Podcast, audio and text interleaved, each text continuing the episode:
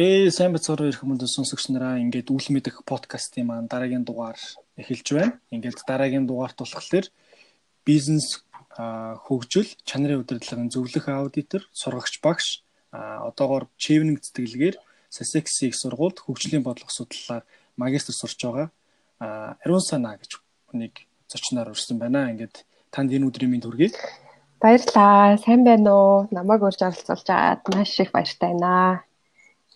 За баярлалаа. За таны та өөрийгөө сонсогч нарт маань бас товч танилцуулаач. Ааха. За намайг Бацаахны Ариунсна гэдэг. За яг одоогоор Чевнигийн тэтгэлгээр Сасакс их сургуульд хөгжлийн бодлого судлаар магистрийн зэрэгээ одоо энэ жил одоо ингээд сураад дуусч байна. За өмнө нь болохоор зэрэг миний бакалаврын зэрэг бол олон улсын харилцаа.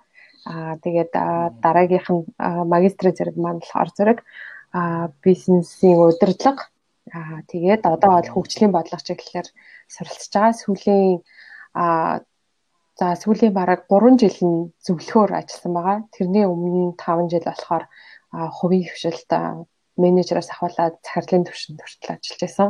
Ийм туршлагатай байгаа. Ерөнхийдөө хувийн хвшилт нэлээд олон жил ажилласан. Сүүлийн 2 жилээ болохоор зэрэг олон улсын байгууллагууд хэрэгжүүлэгч агентлагуудад ажиллаж исэн ийм туршлагатай байгаа. Аа ковид нэрээ гарсан гэсэндээ нөгөө нэг магистрийн хичээлүүд нь ер нь дажгүй өрнж гинөө тий. онлайнаар. Тий одоо англи одоо би англи улсад суралцж байгаа Sussex сургуульд тэгээд манай сургуулийн хувьд болохоор 2 дугаар семестр бол тэр чигээрээ хичээл маань бүгдээрээ онлайн болоод за тэгээд дээрэс нь энэ багш нар маань ажил хаялцаарлаад ерөнхийдөө 2 дугаар семестр бол тэр чигээрээ гэрээсээ суралцаж онлайнаар л ерөнхийдөө багш нартайгаа хичээлээ аваад ярилцаад семинаруудаа хөтлөөд ингээд семинараар оролцоод явж байгаа. Тэгээ ер нь бол ийм үү цаг үед англид ирж сурна гэж өөрөө ч төсөөлөөгүй. Энэ жил надтай хамт ирсэн 7 оюутан байгаа Монголоос Чевнигийн тэтгэлгээр ирсэн. Бид бүгдээрээ л ер нь яг тахлын үеийн оюутнууд бодлоо одоо ингээд хүн болгоны туулж байгаа асуудлыг ингээл туулаад тэгэл ковидын одоо энэ айцын хажуугаар тийм ээ асуудлын хажуугаар бас суралцаж фокуслж хичээлээ дуусгана гэдэг бол амаргүй байна. Гэхдээ одоо олон хүний ихтгэл найдварыг аваад ингээд ирсэн учраас хичээгээл амарч байсан эхний одоо академик жил маань дуусчихсан. Одоо ингээд улирлын шалгалтуудаа диссертацтаа ер нь фокуслаад байж байна.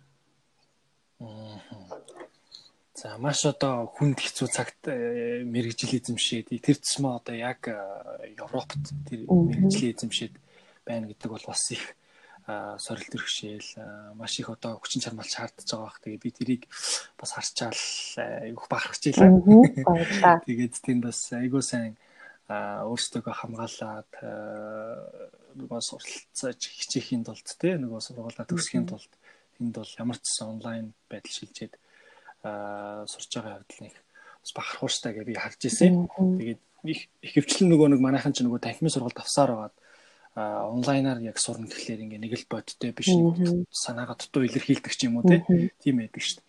Гэтэл ингээд тийм гэлтгүүгээр ямар нэгэн шилдэг тоочлоггүйгээр ингээл тэр болгоныг даван туулж гарна гэдэг. Бас хэр баргийн залуучуудыг хийгээд тахаж л биш ухаа гэж би бас харж ирсэн. Харин тийм. Энэ цаг хугацаа болохоор ер нь бол а суралцж байгаа, ажиллаа хийж байгаа бүх хүмүүст бол ямар ч сонголтгүйгээр а одоо өөрчлөлтийг хүлээж авахаас өөр аргагүй юм байдалд оруулж байгаа болохоор маш хурдан нөгөө нэг дасан цогцож а маш одоо нөгөө нэг анхааралтайгаар юу гэдэг нөгөө анхаарал анхаарлаа сарниулахгүйгээр хичээл намдаа анхаарад тий янз бүрийн нөгөө айдас тавхгүй автахгүй байна гэдэг чинь айгу сэтгэлийн тархлааны асуудал гэдэг юм байна. За тэгээд дээрэс нь маш хурдан дасан зохицох шаардлага гард юм байна. Тэгээд би бодохдоо нөгөө нүүдэлчин хүний одоо удам юм чин те маш хурдан дасан зохицол ямар ч байсан.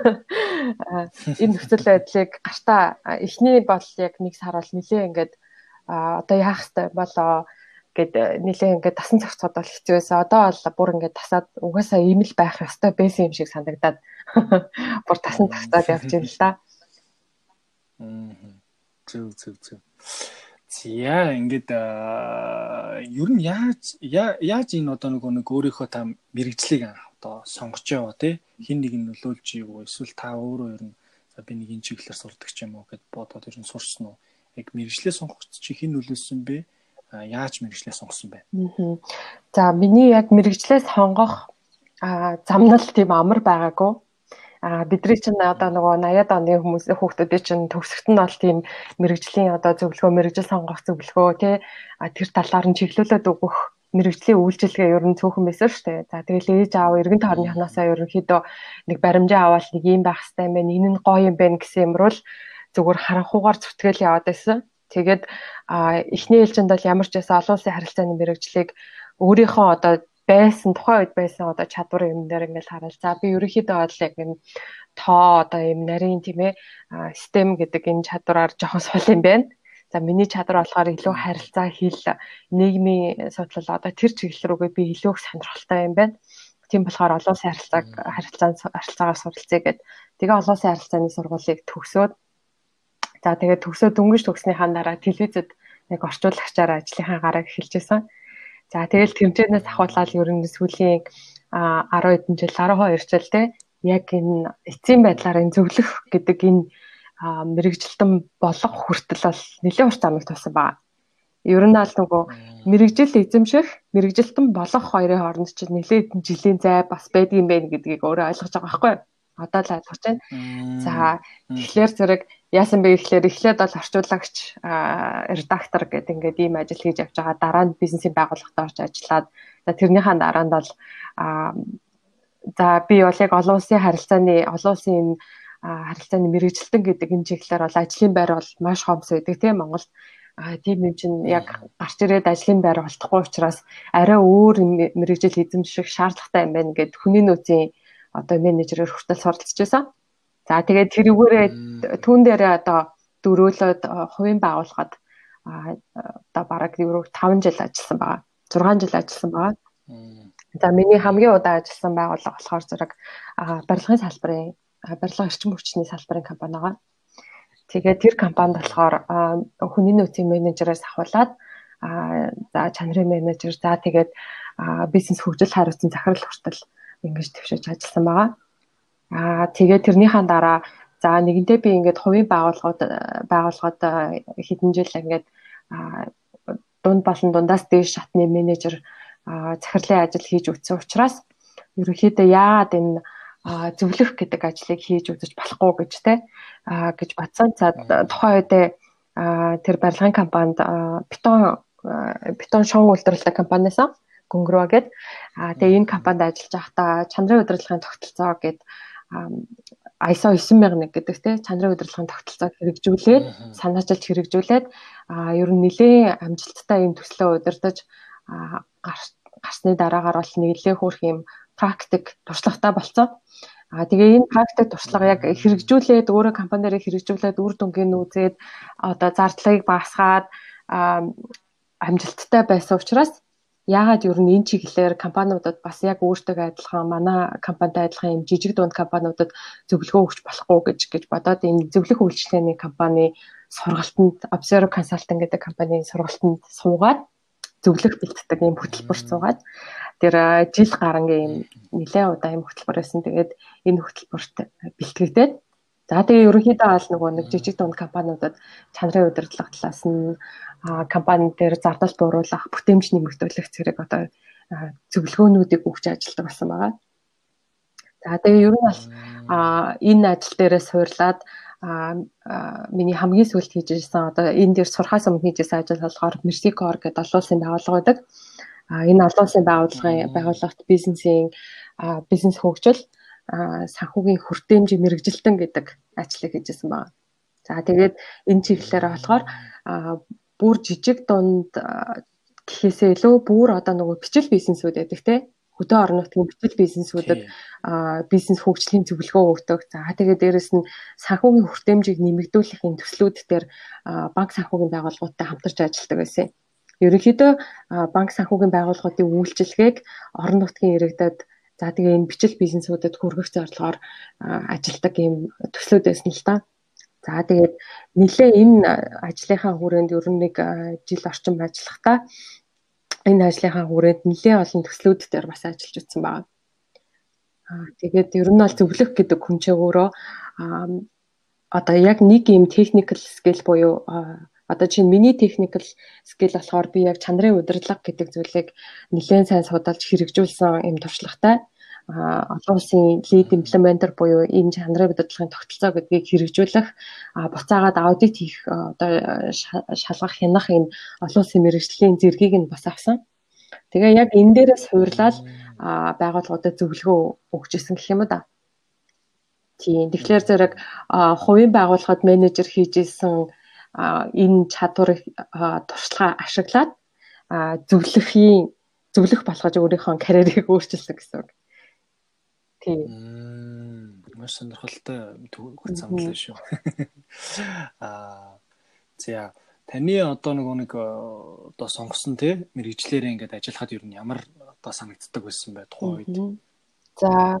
Анх ингээд нөгөө төсөөлөл ингээд нэг байгаа шүү дээ сурахтаа сурчаад. Тэгэнгүүтээ сурсныхаа дараа болохоор яг ингээд бодит байдал дээр буугаад за одоо ингээд яг ажиллаа хийгээд хэлсэн чинь. Арай өөр юм шүү ч юм те. Ямар байсан бэ нь? За уучлаарай. А ямар байсан бэ гэхлээр зэрэг ерөнхийдөө миний энэ зөвлөхөөр ажиллахад шаардлагатай мэрэгжлийг тийм ээ а яг тагмын сургалтаас авсан нь болохоор яг юм техникэл сургалтуудыг тагмын сургалтаар аваад үлдсэн яг ажиллаа хийхэд а энэ төслийн ард гаргах ажлыг дуусгах одоо тэр чадруудыг ажиллаа хийж явахдаа суралцаад явсан гэх юм уу а эн чинь өөрөө бас юм ялгаатай ойлголт байгаа тий зөвлөх гэдэг ажлыг хийхэд бол нэг талаас hard skill буюу нөгөө танхимаар авсан сургалт чанарын удирдлагын тогтолцоо гэж юу байдгийг яг бизнесийн удирдлагыг хэрэгжүүлэхэд бизнес хөгжлийг одоо байгууллагад авчирхад яг ямар нөгөө нэг фреймворк tool буюу хэрэглүүдийг хэрэгэлтийн ямар онолуудыг ашигладгийг тийм ээ. Тэрийг бол танхимаар сурчиж байгаа. Тэгэнгүүт тэрийг хэрэгжүүлэхийн тулд өөрөөс нэмж суралцах шаардлагатай болсон чадварууд нь юу байсан бэ гэхлээр нөгөө soft skill тийм ээ хүмүүстэй харилцах хүмүүсийг удирдан зохион байгуулах одоо багийн зураглал гаргах одоо багаа хуваарлах ч гэдэг юм уу энэ ажлуудыг ажиллаа хийж байхдаа суралцж байсан. Тэгээд миний ажлын онцлог болохоор зөвлөх учраас би маш өргөн одоо мэдлэгтэй байх байхыг шаарддаг. За одоо зөвлөх компанид ажиллана гэдэг нь болохоор та ганцхан одоо юу гэдэм барилгын компанид ч юм уу эсвэл ганцхан эрчим хүчний компанид ч юм уу хүнсний компанид гэдэг юм уу дагнаж ажиллахгүй. А чанарын удирдлага гэдэг чинь угаасаа үйлчилгээ бүтээгдэхүүн үйлчилгээ гаргаж байгаа бүх компани бүх одоо байгууллагуудад хэрэгтэй шаардлагатай зүйл шүү дээ тийм ээ. Чанараа бүтээмжээ нэмэгдүүлэн чанартай бүтээгдэхүүн үйлчилгээ гаргана гэдэг нь. А тийм учраас манай үйлчлүүлдэг компаниуд маш олон төрлийн компаниуд байдаг гэсэн А тэрнээсээ шалтгаалаад би тухайн нөгөө нэг компаниуд клиентуудтай үйлчлүүлэгч компаниудтайгаа ажиллахын тулд тэдний салбарын одоо мэдээллийг маш сайн унших мэддэг байх шаардлагатай. Жишээ нь одоо ноос ноолорын компани дээр ажиллаж илаа гэхэд тийм ээ одоо сүүлийн үеийн ноос ноолорын тренд ямар байна? Манайх одоо зах зээлийн хэр том нийлүүлэгч вэ? А нийлүүлэхийн тулд яг ямар шат амжилга байдаг вэ гэдэг ч юм уу энэ талаар мэдэх хэрэгтэй. За тэгвэл би барилгын компаниар очиод зөвлөх үйлчилгээ үзүүлээ гэхэд За барилгын компани норм дүрм журам ямар байдгийг а ер нь одоо энэ бизнесийн орчин нь ямар байдгийг өрсөлдөөн нь хэр байдгийг гэдгийг бас мэдэх шаардлагатай. Гэх мэтчлэн маш олон салбар руу нөгөө нэг хувьсаж ажилладаг учраас а нэгдүгээрт айгүй хүргэн мэдлэг хэрэгтэй. Хоёрдугаарт маш олон төрлийн нөгөө стейкхолдер буюу оролцогч талуудтай ажиллаж байгаа нэг нэг тал руугаа ингээд хараад ажилчдад нь сургалт өгнө. А нөгөө талаас компанийнхаа захирлуудтай уулзаж ярилцсан тий А тэгэнгүүт заримдаа одоо том төслүүд дээр ажиллаж байхад засгийн газрын хэрэгжүүлэгч хандлагуудтай ч юм уу тийм ээ яам тамгын газрын хүмүүстэй ч юм уу банкны захирлагуудтай ч юм уу ингээд ажиллана. А нөгөө талаасаа бидэрт хөрөнгө оруулж байгаа донор олон улсын байгууллагын төлөөлөгчтэйгээ ажиллана гэд маш олон төрлийн нөгөө бэкграундтай бэкграунд буюу одоо ийм хүмүүстэй олон төрлийн хүмүүстэй ажиллаж байгаа учраас тэр болгонд одоо тэр болгонтой харилцаж ажиллах эв дүү одоо эв дүүтэй байх шаардлагатай байсан. Тэгэхээр ер нь бол нөгөө маш их харилцааны чадруудыг суралцах шаардлагатай, маш өргөн мэдлэгтэй. Аа тэгээд буцаад нөгөө хийж байгаа хэрэгжүүлж байгаа төслийнхаа талаар хүмүүст одоо ярих хэлэхдээ маш зөв үг оновчтой үг хэлээ үг хэлээр ярих гэх юм төчлөн тэ. Иймэрхүү чадруудыг айгүйх шаарддаг. а ер нь бол нэлээ их тийм олон төрлийн чадвар шаарддаг ажил зөвлөх гэдэг маань. Тийм байна. Аа тэгэхээр яг одоо нөгөө нэг энэ чиглэлээр магадгүй те. Аа сурах гэж байгаа эсвэл энэ чиглэлийг сонирхоод одоо нөгөө нэг карьераа төлөвлөх гэж байгаа карьераа төлөвлөж байгаа юм те залуучууд. Аа яг надаа яг ямар ур чадвар шаардах бол те. Гэвэл та одоо яг ийм ийм ур чадруудыг шаарддаг юм шүү гэд хэлвэл та яг юуг зөвлөж хэлэх вэ? Аа за ер нь аль нөгөө нэг зөвлөх аа хийж байгаа хүмүүс маань шууд зөвлөх бол одоо сургуулаа төгсөөд гарч ирээ зөвлөх болно гэж байдгүй. Ихэнхдээ манай манай мэрэгчлийн одоо яг карьерт бол тийм юм байхгүй. Эхлээд ямар нэгэн мэрэгжлийн салбараар одоо 4 5 жил тийм нажид орооч ингээд яг үндсэн чиглэлээр ажиллаж агаад тэр чиглэлээр дараа нь компаниудад зөвлөх үйлчилгээг үзүүлвэл илүү оновчтой байд. Тэгэхээр эхлээд яхаа өөрийнхөө үндсэн мэрэгжлийг айгүй сайн сурах нь байна тийм одоо юу гэдгийг та нэгтлэнгаар суралцж байгаа бол эхлээд одоо нэгтлэгийнхаа чиглэлээр тухайн компанидаа сайн ажиллаж агаад өөрийнхөө бас мэдлэг мэрэгчлийг дэвшлүүлээд мэрэгсэн нэгтлэн болоо. За мэрэгсэн нэгтлэн болонгуудаа хит хитэн байгууллагууд дээр ажиллаж үзээд байгууллага болго өөр өөр орчин нөхцөлд ажиллаж байгаа гэдгийг ажлынхаа туршлагаар олоод шүү дээ. Тэгэхээр зэрэг нөгөө зөвлөх хийж байгаа хүний маань чадамж нь илүү өндөр болоод байдаг гэх юм да. Тийм учраас энэ маань бас нөгөө нэлээд урт удаан хугацаа туулжж бас хүрдэг одоо мэрэгжил шүүдэ зөвлөх гэдэг чинь тэгэхээр эн чинь айгу олон шат дараалтаа учраас эхний шатыг нь алгасч болохгүй л гэж би хэлэх гээд байна л да. Тэгээ шууд одоо сургуулаа төгсөөд консалтант болно гэдэг бол бас амаргүй бах тодорхой хэмжээний туршлага айгуух шаарддаг тийм ажил байгаа. А тэгвэл ер нь бол ямар чадварыг зөвлөх болохын тулд ямар чадварыг хөгжүүлсэн байх шаардлагатай вэ гэхлээр зэрэг хамгийн түрүүнд нөгөө нэг interpersonal skills гэж хэлээд байгаа хүмүүстэй харилцах чадвар. Аа за тэгээд маш сайн нөгөө нэг public speaking буюу маш сайн одоо ярьдаг тийм ээ тухайн хийж байгаа ажлаа хүмүүс сайн танилцуулдаг. Тийм чадамжтай байх хэрэгтэй.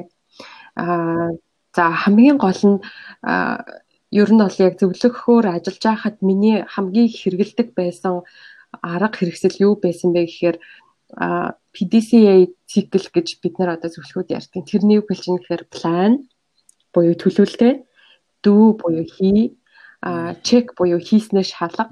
За тэгээ шалангуудаа акт буюу тухайн алдаан дээр буцаагаад одоо сайжруулалт хийх ийм нөгөө циклээр бидний ажил явдаг байхгүй юу? Тэгэхээр харах юм бол юу гэлдэг вэ гэхээр зэрэг эхлээд зөвлөх хүн чинь одоо нэг компани одоо зөвлөгөө өгөх гээд очлоо гэж бодоход тухайн компанийг чи өөрөө өмнөлөх шаардлагатай болно тийм ээ. Тэгэхээр тухайн компани дээр очихосоо ч өмнө тухайн компаниа сайн судлаад өөрийнхөө ажлыг нэлээд сайн төлөвлөсөн төлөвлөгөөтэй очих хэрэгтэй. За тэгээ очингуудаа мэдээж нөгөө компани дээр чинь за энэ компани одоо үнэхээр хөгжлийнхаа дараагийн шатанд гарахад тийм ээ магадгүй зардлаа бууруулахад зорилгоосоо шалтгаалаад тэр зорилго төрөхт нь яг ямар зөрүү байна гэдгийг зөрүүгийн шинжилгээ хийж байгаа юм тий. За тэгээ ингээд зөрүүгийн шинжилгээ хийснийхаа дараа за ийм ийм юмнуудыг хийх хэрэгтэй юм байна гэд одоо компани болгон чинь нэг одоо төсөл гэсэн үг шүү дээ. Тэгэхээр төслийг яадаг эхнээс нь дуустал хийгээд хэрэгжүүлээд буцаагаад репортлоод өөрсдийнхөө одоо дарга байт юм уу захирлуудад байт юм уу ингээд репортлж байгаа. Тэгэхээр энэ болгонд ямар чадвар шаардаад байна вэ гэхлээр зэрэг төлөвлөөд төлөвлөлөөд хийж явахдаа хийсэн юм маш сайн бичиж тэмдэглээд буцаагаад нөгөөдгөө тайлагнах юм чадвар хэрэгтэй байдаг байхгүй юу? Тэгэхээр энэ ингээд айгүй нарийн мэрэгжлийн юм шиг айгүй төвхтэй юм шиг сонсогдоод байдаг боловч буцаагаад ямар ч ажлыг хийхэд хүн одоо хүнд хамгийн хэрэг болдог чадвар бол ажил дээр гарсныхаа дараа ажлын тэмдэглэл хөтлөөд буцаагаад тэрийгэ одоо яг юу хийгээд ямар үр дүн гаргаад ямар хувь нэмэр оруулаад байгаагаа одоо бусдад хэлж тайлагнах чадвар их чухал юм байна гэдгийг би яг ажиллаа хийж явах явцдаа айгуу сайн ойлгож авсан баггүй юу. Тий. Тийя. А магадгүй одоо нөгөө нэг таныг ингээ мэрэгчлэрээ ажиллаж явах үед те тулгардаг байсан түгээмэл одоо энгийн алдаануудаас хаваалцвал та юуг хуваалцах вэ? Тэр алдаанаас юу суралцсан бэ? Одоо би түрүү хэлсэнчлээ айгүй олон янзын ажил хийжсэн чинь аа хийжсэн те. За ингээд хүний нөөцийн менежер хийжэлаа, захирал хийжэлаа. За тэгээд компаниудтай ажилдаг зөвлөх хийжэлаа гих мэдчихлээ. За янз бүрийн ажлуудыг хийж хахад мэдээж бид нар хүнтэй л ажиллаж байгаа эсвэл байгууллагт ажиллаж байгаа тийм учраас ямар одоо зүйл хамгийн чухалээс гэхээр би энийг яг нэлээд их одоо алдаа гаргаж суралцсан болохоор хүнтэй нөгөө хүлээлттэй яг зөв ойлголцох хэрэгтэй юм байлаа. За би энэ ажлыг эхлэх гэж байна тийм ээ. За одоо юу гэдгийг та одоо дөнгөж сургуулаад төгсөөд нэг ажилд орчихлаа гэж бодъё. Хамгийн түрүүнд яг тухайн байгууллага танаас яг юу хүлээгээд байгаа юм бэ? А чи тэр байгууллагаас өөрөө юу хүлээгээд байгаа юм бэ? Тийм ээ? А тэгээд тэр маань одоо яг ажлын байрны тодорхойл дээр яг тав тав тодорхой байна уу? А тухайн ажлын чинь яг сарын үнэлгээ нь яг ямар байх юм? Юу хийх юм, юу хийхгүй юм бэ гэдгийг анханасаа маш сайн тов тодорхой нөгөө тохиролцохгүй бол а ингэж анханасаа тохиролцоогүйгээс болоод нөгөө хүмүүс буруугаар ойлголцох тийм ээ Тэгээд айгүй нөгөө явандаа нөгөө муу харилцаа үүсэх одоо юу гэдгийг зөрчилдөөн гарах одоо үндсэн одоо суур шалтгаан нь анханасаа юмаа тохиролцоогүйтэй холбоотой байдаг.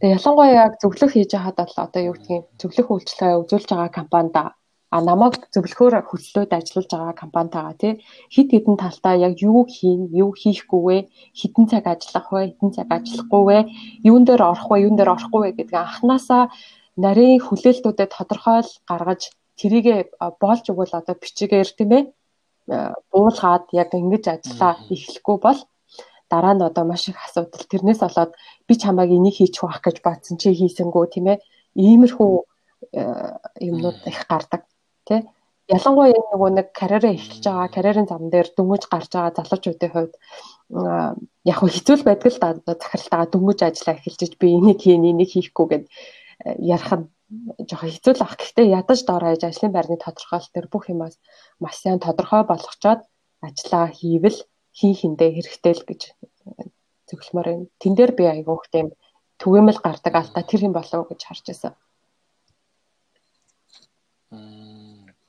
Аа тэгвэл одоо яг тэр чиглэл өөрийнхөө одоо нөгөө мэрэгжлэр ажиллаж байх үеийн амжилттай хэрэгжүүлсэн сайн туршлага гэвэл яг юу байна? Аа ер нь бол хит хэдэн байгууллагуудад ингээд ажиллаж байхдаа бас хит хэдэн амжилттай төслүүдийг удирдаа санаачлаад анханасаа санаачлаад яг хэрэгжүүлж хийх боломж надад олж исэн. А хэрвээ одоо би бодоод идгийн хэрвээ би яг төгсөнгүүтээ юу гэдгийг маш том одоо байгууллагад ажилласан болж гэдэг юм уу те олон улсын байгууллагчдыг биеийн байгууллагуудад ажилласан бол шууд надад ажиллаа авсан эхний жилдээ том хэмжээний өөрчлөлтийг том хэмжээний одоо судалгааг сан санаачлагыг гаргаад хэрэгжүүлэх боломж олдохгүй ах байсан баг л та.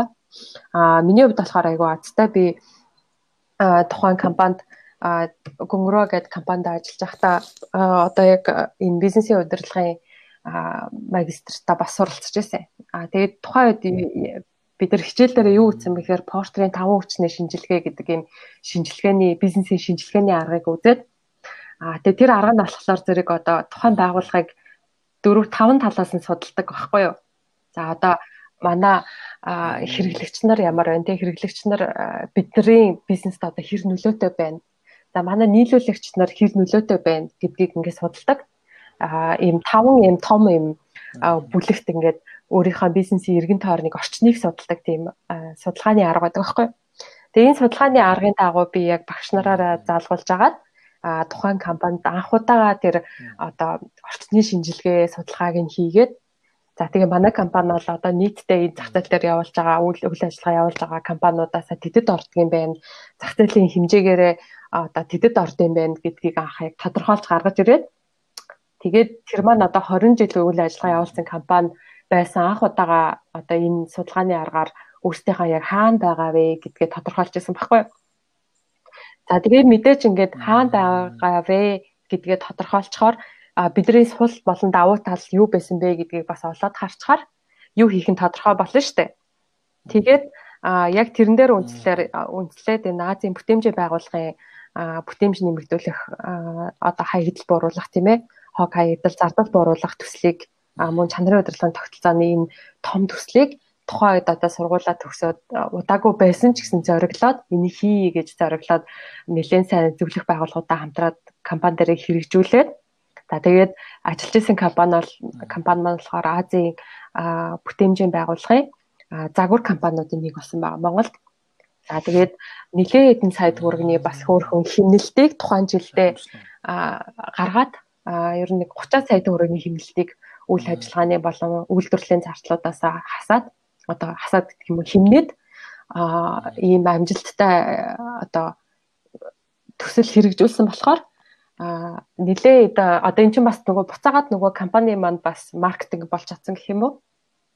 Ногоон компани одоо байгаль дээлтэй компани болж исэн тухай дээр тэгээд энийг хэрэгжүүлж исэн хүнэнд би өөрөө одоо яг санаачлаад багаараа энэний ард гарч исэн учраас энэ миний хувьд одоо айгүй том туршлага болсон байхгүй юу Тэгээд яг энэ нөгөө туршлагаараа буцаагаад би жижиг дунд компаниудад зөвлөгөө өгөх надад одоо суур туршлага нь бүрдсэн гэх юм уу?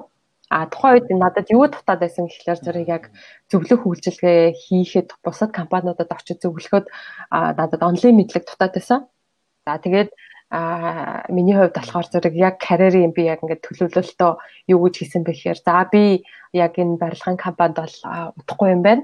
А энд бол одоо надад бас надад тийм олон жил одоо яваад ах бас сонирхол байхгүй байсан учраас зөвлөхийн одоо нөгөө нэг одоо захирлаас зөвлөх болох шийдвэр гаргаад за тэгээ өөрийгөө бэлтээ тэгэнцэндээ тэгээ жилийн хугацаанд нэг онлайн мэдлэгээ олж авч байгаа тэгээ зөвлөхийн гараагаа эхлүүлчихсэн байхгүй тийм түрүү нөгөө портрийн 5 хүчин хүчин зүйлийн шинжилгээ гэдэг байна шүү дээ би нөгөө нөгөөс өмнө нөгөө хувийн компанид бизнес нөгөө нэг бизнесийн чиглэлийн байгууллагад ажиллаж ирсэн. Тэгэхэд бас нэг бизнес төлөвлөгөө боловсруулж ирсэн чинь нөгөө нэг аюул занал их байна. Аюул занал бага дунд байна гэл ингэ бичдэг шүү дээ. Тий. Нөгөө судалгаан дээр тэгсэн чинь тэгээ бичсэн чинь манай нэг захирал уншсан аа.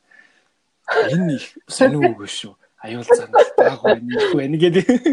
Энэ үгээ жоох өөрчилж болдгоо юм уу гэдэг жисэн тухайд тэгэхээр нөгөө эн чинь нөгөө угаасаа л яг тэгж бичигддэг болохоор ингээд оролцсон юм аа гэж тухайд хэлсэн. Тэгээд түрүү таныг андигээ ярьсан чи гинт тэр нөгөө нэг Аа их сонирхолтой л да айгүй олон арга одоо аргууд байдаг шүү дээ. Одоо бизнесээ үнэлэхтэй татаад болон гадаад хүчтэй янз бүрийн шинжилгээний аргууд байдаг. А тэгээд компаниуд ч ер нь аль ихтэй ихэнх компаниуд маань энэ аргуудыг хэрэглэж яг бизнесээ төлөвлөж хаана байгаагаа бас тодорхойлох нь ер нь бол ялангуяа жижиг дунд компаниудад цөөхөн байдаг. А тийм тэгээ хийхдээ бас яг зөв арга барилаар хийх нь ч гэсэн цөөхөн байдаг. Хэрвээ зөв арга барилаар энэ одоо компани ядаж нэг 3-5 жилийн хугацаанд тийм ээ нэг татамжийг ойртуулад ядаж ингээд нэг жилдээ ч юм уу ингээд энэ хаана байгаагаа бас тодорхойлоод өөртөөхөө сул болон даваа талыг бас ингээд мэдээ тодорхойлоод яваад байвал тухайн компани хөгжил илүү их хурцах а зардал буурах те бүтээмж нэмэгдэх гэх мэтчлээ айгу олон даваа тал гардаг л да. Харин тийм байна. Саяны таны нөгөө нэг хэлсэн туршлага бол одоо стоподтой нөгөө нэг гоё туршлага байна. Тий.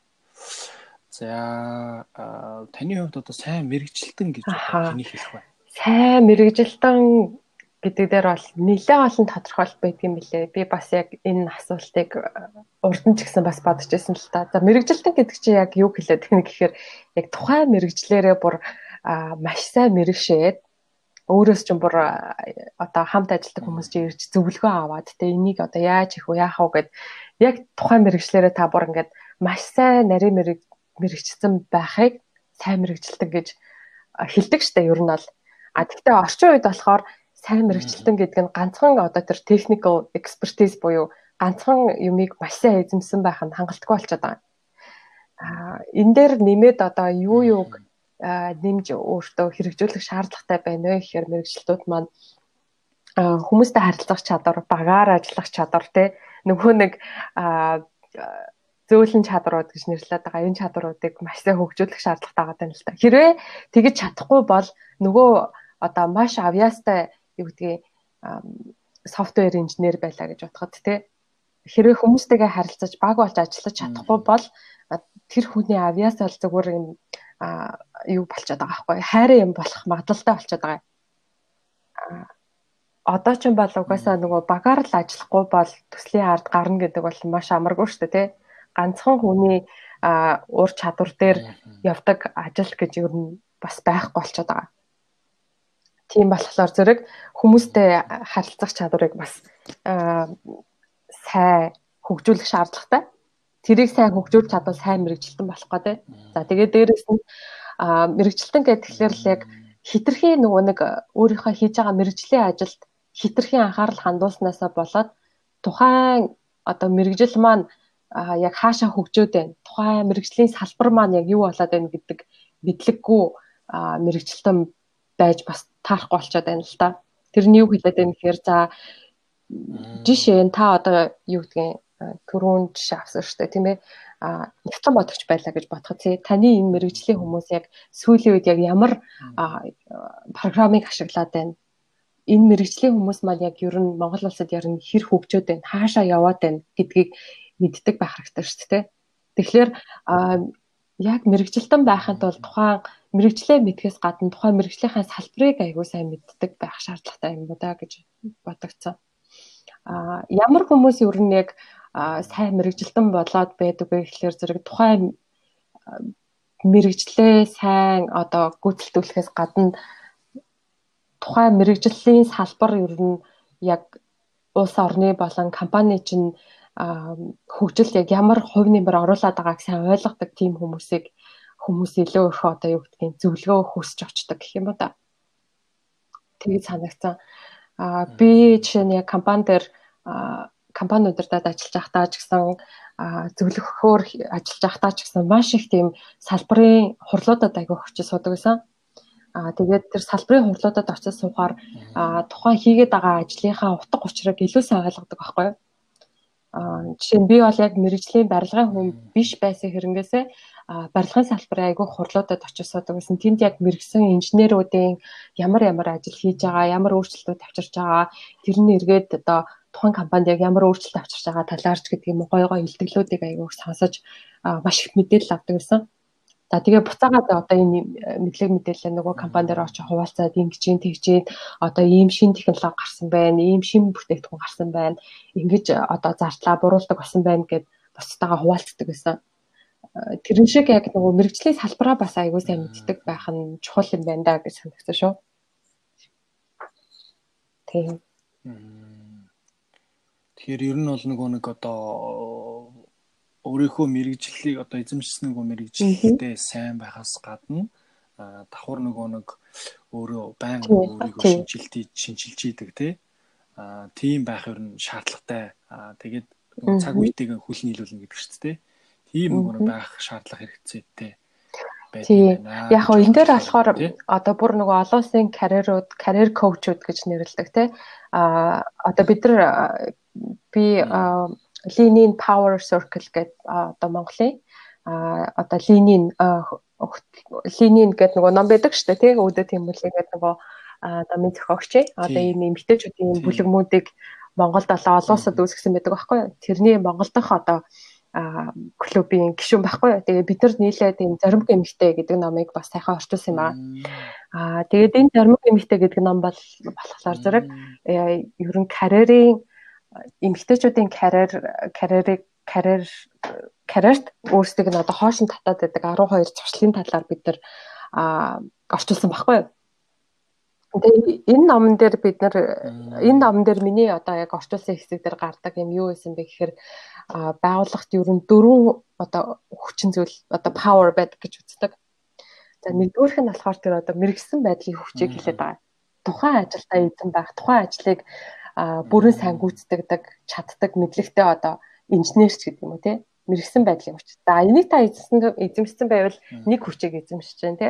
Хоёр дахь нь болохоор зэрэг power of communication гэж байгаа. А маш сайн одоо power of network буюу та ганцхан мэрэгсэн байгаа зогсохгүй байгууллагатай айгүй сайн networkтэй байгууллагаасаа гадагшаа айгүй олон танилын сүлжээтэй тийм ээ мэрэгжлийн хүмүүстэйгээ ингээд уулздаг, ярилцдаг ийм байх юм бол энэс танд нэг хүч одоо нэг бонус олоод ороод ирж байгаа. А гуравдугаарх нь болохоор зэрэг power of position буюу та тухайн байгууллагатаа яг ямар байр суурийг эзэлж байна. Албан тушаал тийм ээ албан тушаалын хүч чадал гэдэг юм л да. Ингээд гурав дахь нь ингээд communication network position гэдэг ингээд profession гэдэг ийм дөрвөн төрлийн хүчийг та эзэмсчих юм бол таны карьер одоо маш их амжилттай байна. Та тухайн байгууллагад маш өндөр албан тушаал дээр одоо тухайн байгууллагад маш хэрэгтэй хүн байх магадлал өндөртэй болчихж байгаа байхгүй? Тэгэхээр зэрэг сайн мэрэгжилтэн гэдэг нь ерөөсө ганцхан зүйлийг хэлэхгүй байх нь шүү дээ. Энэ дөрвөн хүчийг дөрвөлнгийн эзэмшиж та нэлээд амжилттай карьертай байх нэ гэж хэлэх гээд байгаа.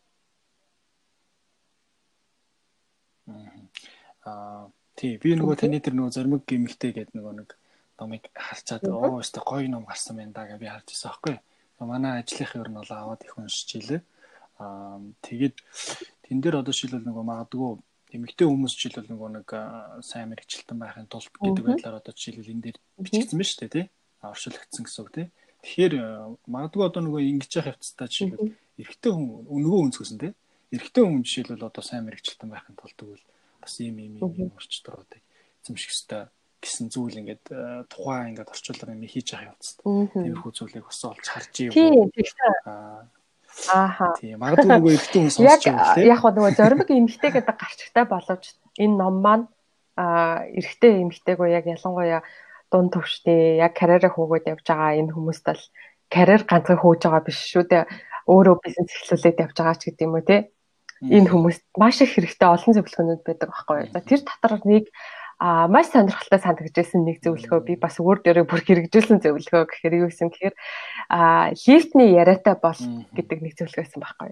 Лифтний яриатай болоо гэдэг нь юу хэлж байгаа юм гэхээр та одоо өөрийнхөө дээд талын одоо дарга байдаг юм уу? Тий албан тушаалтан таны одоо амьдралд айгүй чухал шийдвэрээ гаргаж чадах удирдах албан тушаалтантайгаа гэдэг юм уу одоо лифтэн таарлаа гэж бодоход За нэг давхраас нэг 12 давхар хүртэл нэг хэдэн минут нэг ганц минут ч юм уу 2 минут ч юм уу байгаа штэ. Энэ хугацаанд та ингээд нэгдүгээр хин бэ? Юу хийдэг вэ? Аа юу хийхээр зорж байгаа бэ? Тэгэхэд юу шаардлагатай байгаа вэ гэдгийг нэг минутын дотор ингээд хэлэх чадвартай байх хэрэгтэй гэж байгаа байхгүй юу? Лифтний яриатай бол гэдэг. Тэгэхээр За одоо ингээд одоо мөн биш юу гэдэг чи өөрийнхөө компани дээр өөрийнхөө байгууллага дээр дэлхийн зүүн дээр те арай өөр өөр одоо нөгөө нэг салбараа удирдаад ч юм уу ажилламаар санагдаж шүү дээ. Одоо зүгээр мэрэгжилтэн биш одоо удирцсан албаны дарга болмоор байлаа гэж санагдчих тий.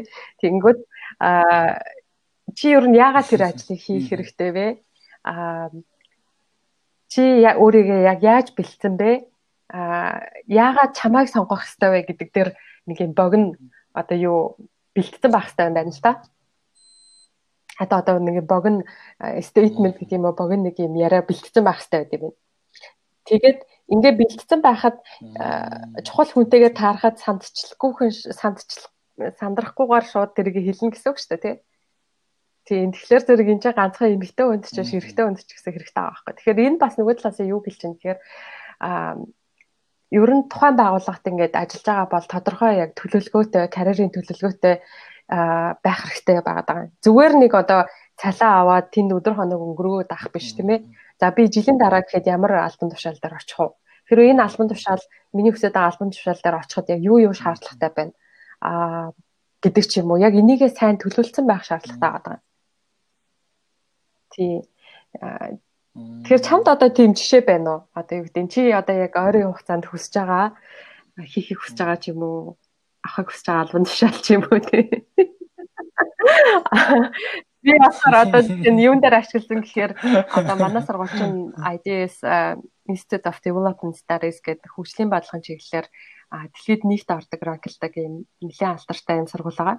Тэгээ энэ сургуулийн профессорууд бол маш мундаг одоо энэ хөгжлийн бодлогын чиглэлээр маш мундаг мундаг судалгаануудыг хийдэг профессорууд байдаг аахгүй юу?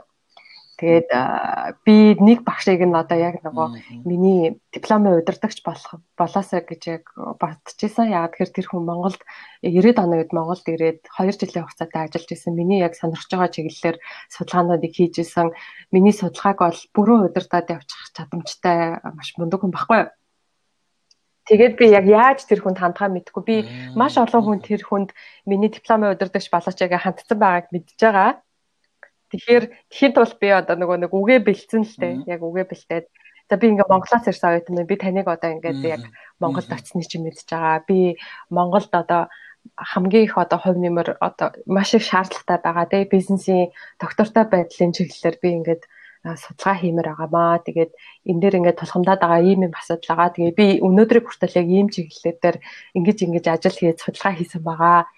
Гэт ингээд шууд үгээ бэлдээд тэгээ бит хоёр яг нөгөө нэг цайны газрын яг очрлж авах юм дээр таарсан. Очр дээр таарсан. Тэгээ би яг нөгөө бэлдсэн үгээ хэлээд тэгээд дараа нь нөгөө бэлдсэн үгнийхаа дагуу өөрийнхөө нөгөө нотлох материалуудаа явуулаад би ийм юм судалгаа хиймээр байгаа аа гэд хэлээд Тэгээд тэр хүн маань азар миний одоо яг дипломыг удирдах удирдахч багш болох шийдвэрээ гаргасан. Гих мэдчлээ. А ер нь бол яг тэр лифтний яриатай болох хэрэгтэй шүү гэдгийг би эрэгтэй эрэгтэйгөө хүмүүстэй зөвлөмөр байгаа байхгүй юу? Аа харин тий би нөгөө нэг хаанаас илээ уншиж илүү би яг энийг сонсч илүү би санахгүй байна л да. Гэтэ яг энийг бол сонсч байсан хэрвээ нөгөө нэг одоо жишээлбэл ямар нэгэн зүйлийг өөрчлөе гэж ивэл а магадгүй танд нөгөө тэрийг яагаад хийх гэж байгаа? Тэгээд яаж хийх? Тэгээд хийснээр жишээлбэл ямар үр дүн гарах гэдэг ма тооцоолоод тэгээд 2 минутын дотор л ерөөсөө эсвэл нэгээс 2 минутын дотор л тэрийг хэлж хэлэх боломж өөрт чинь байгаа гэж бодвол яг аль хэсгээс нь яаж эхлэх вэ гэд аа би сонсч ирсэн. Тэгээд нэрээ ингээ нөгөө нэг гинт ингээл захиралтайгаа лифтэнд харуул ингээл мэдээж сонирхолтой тэр зүйлээ ингээ нөгөө нэг өөрөө илэрхийлж чадвал те магадгүй дэмждэггүйх нөгөө баталгаа байхгүй гэж бодож байгаа байхгүй. Тэгээд ер нь бол нөгөө нэг тэр үүднээсээ би нөгөө нэг ажиллаж байхдаа бол айгүй олон удаа нөгөө нэг бүтэхгүй гэж нөгөө бодохгүйгээр шууд ер нь бол илэрхийлж исэн л да. А ямар нэгэн зүйл одоо нөгөө бид нар нөгөө өөрсөндөө нэг ингээд ийм хаалт тавиад тийм шүү одоо асуучвал үгүй гиндэ гэдэг ингээд төрүүлээ тэр хүнийхээ өмнөөс нөгөө шийдвэр гаргаад ингээд нөгөө хариулт өгчдөг. А гэтэл тэр хүн өө тэгтэг чи хийгээд үзчих гэдэг юм уу те? Магадгүй тэгж хэлхийг үгүйсэхгүй. Ч та. Тэгээд тэрнээс хойш нөгөө нэг байн нэг тэрийг ингээд хэрэглээд тэр та одоо ашиглаад яваад идгийн. Тэгээ тэр нь тэгэл байхаа тэр чи одоо бас нэг нэг бодлын өөрийнхөө тухтай процесс гараад бас зориг гаргаж штэ тий Тэгэхээр манай нөгөө монгол хүмүүсийн сэтгхүүн ялангуяа ирчүүд за эмгтээчүүд бүр илүү давмгай юм айгүйх нэрлэхөө байдаг штэ. За намайг одоо өстой нэг амбицтай гэд бодчихгүй. Энэ бол ингээд янз бүрээр бодчихгүй гэдэг байдлаар айгүйх айгаад тиймэрхүү ма хэлж ярьдгүй юм байлээ. Аа тэгээ ялангуяа одоо цалингаа нэмүүлмээр санагдчихвэл ч юм уу те. Аа тиймэрхүү юм дээр одоо ярихдаа хэрхэн яаж ярихаа манай Монгол эмэгтэйчүүд ялангуяа сайн мэддэггүй юм шиг, аргаасаа авалтгүй юм шиг л санагдд юм л да. Тий. Яг хөө би бол энийг бол айгуу гоё сэргэлэн байгаасай л гэж хүсдэг штэ. Харин тий ер нь нөгөө нэг бид нэр хаалт гэхгүйгээр те шууд зүгээр яагаад асуугаад үзэж болохгүй гэж үгүй гэвэл тэгээд л юу л унуул гэж үсрээл үгүй л гэдэг хариулт авчлаа. Магадгүй би сонирхолгүй ярьсан ч юм уу эсвэл би ямар нэгэн сонирхлыг нь татгаар үнэхээр санал тавьж чадаагүй л гэж ойлгоод тэрийг илүү сайжруулах хэрэгтэй л гэсэн одоо ер нь бол нөгөө нэг бодолд бол хүрээд байгаа л да. Тэгэхээр нөгөө нэг тэрийг бас бусад сонсож байгаа хүмүүст тий яагаад асуугаад үзэж болохгүй гэж яагаад тэрийг хийх гэж байгаа шалтгаанаа түрүүний нөгөө нэг тань хэлсэн чигтэй лифтний яриатай болж болохгүй гэж сонсогч нараа тэгээд энийг бас анхаараарэ гэж зөвлөе. Тэгээд э, та одоо нөгөө нэг карьер төлөвлөлөх гэдэг ингэнгүүт те магадгүй нөгөө бидэрт нэг юм нийтлэг ойлголт байдаг штэ. А одоо бага албан тушаалаас арай өндөр албан тушаалд очих ч гэдэг юм уу те. Эсвэл нөгөө дотоодын компаниас олон улсын компанид ажиллах. А эсвэл бага цалингаас өндөр цалинтай болох ч гэдэг юм уу те. Нэг юм түгээмэл ойлголт байдаг. А тэгвэл таны хувьд ер нь карьер төлөвлөлтийг юу гэж ойлгодог вэ? Миний хувьд болохоор зөвлөх гэдэг мэрэгчлэг ер нь л 2 одоо 3 жилийн өмнө сонгоод яг энэ чиглэлээр ажиллаад ирж байгаа хүний хувьд болохоор илүү би одоо нөгөө хувь хүнийхээ чадварыг хөгжүүлэхээр а илүү анхаардаг гэх юм уу. За одоо яг ингээд бид нар ажлын одоо байран дээр хөдөлмөрийн зах зээл дээр гарахад яг та байгууллагад ажиллаж исэн ч бай, та хуваараа фриланс хийгээд зөвлөх хийж исэн ч бай, юуг худалдаг худалддаг вэ гэхээр өөрийнхөө чадрыг худалдаж байгаа штэ. Тэр нь одоо янз бүрийн чадвар байж болно тийм ээ. Орчуулга байж болно. Одоо малайлын ур чадварч юм байж болно. Айгуу сайн ярддаг байж болно. Ямар нэгэн байдлаар өөрийнхөө ур чадварыг л худалдаж байгаа штэ энэ хөдөлмөрийн зах зээл дээр. Тиймээ энэ хөдөлмөрийн зах зээл дээр таны үнэлгээ хэд байх вэ гэдэг их санаа тий. А за 4 5 жилийн өмнө одоо би яг энэ MOSI NCC гэдэг энэ англи англитай хамтарсан энэ магистрийн бизнесийн удирдлагын магистр суралцж байхад надтай хамт суралцж исэн одоо нэлээд том банкны захирал эмэгтэй байсан. За 40 гарчсан. Тэгтээ бас бизнесийн удирдлагаар ингээд суралцаад явж байсан. Би тэгээд гайхаад эгч та яагаад ингээд одоо ингээд суралцаад байгаа юм бэ? Одоо яагаад ингээд одоо суралцж байгаа ингээд асуусаа. Тэгсэн чинь юу гэж хэлсэн бэ гэхээр би одоо 3 жилийн дараа гэхэд одоо миний үнэлгээ сарын үнэлгээ 100000 долларт дор хаяж те доод нь 100000 долларт хүрэхүүц ийм үнэлэмжтэй мэрэгчлэн болмоор байна гэж хариулж ирсэн байхгүй. Тэгээ энэ надад айгүй хэмээг бодолж исэн. Тэгээ би яг би тухайн үед яг захирлын ажлыг хийдэг байсан. За тэгээ би ингээд бодож байгаа байхгүй. За ажлын одоо сард ажлын 22 хоног тийм ээ. Ингээ өдөрт хэдэн цаг 8 цаг. За тэгвэл одоо ми өдөрт авж байгаа миний яг үнэлгээ хийдвэ. Цалин гэдэг чинь яг миний нөгөө нэг чадвар чадамжинд скил зориулаад өгж байгаа хөдөлмөрийн зах зээлийн үнэлгээ шүү дээ тий. Тэгэхээр энэ үнэлгээг би аль болохоор өндөр байлгамаар байгаа байхгүй.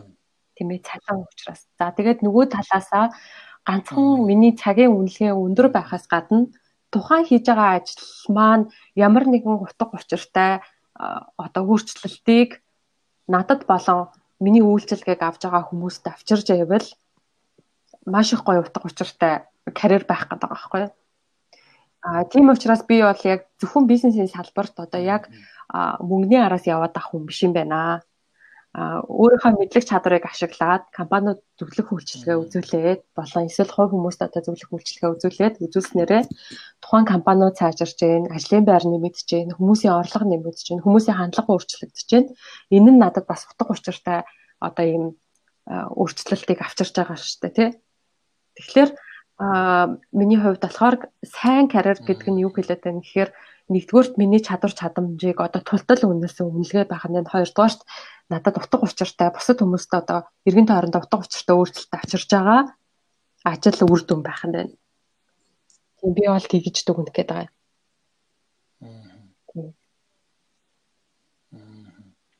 Аа та одоо нөгөө нэг карьераа ер нь хэрхэн төлөвлөсөн бэ? Хизээ ер нь анх төлөвлөж ив. Тэгээд одоо төлөвлөдөг үү? А хэрэг төлөвлөдөг бол хэдэн жилээр? За хамгийн сүүлд би Mercicor гэдэг долоосын байгууллагт байхдаа өөрийнхөө яг карьер төлөвлөгөөг байгууллагын шаардлагаар гаргаж ирсэн гэх юм да.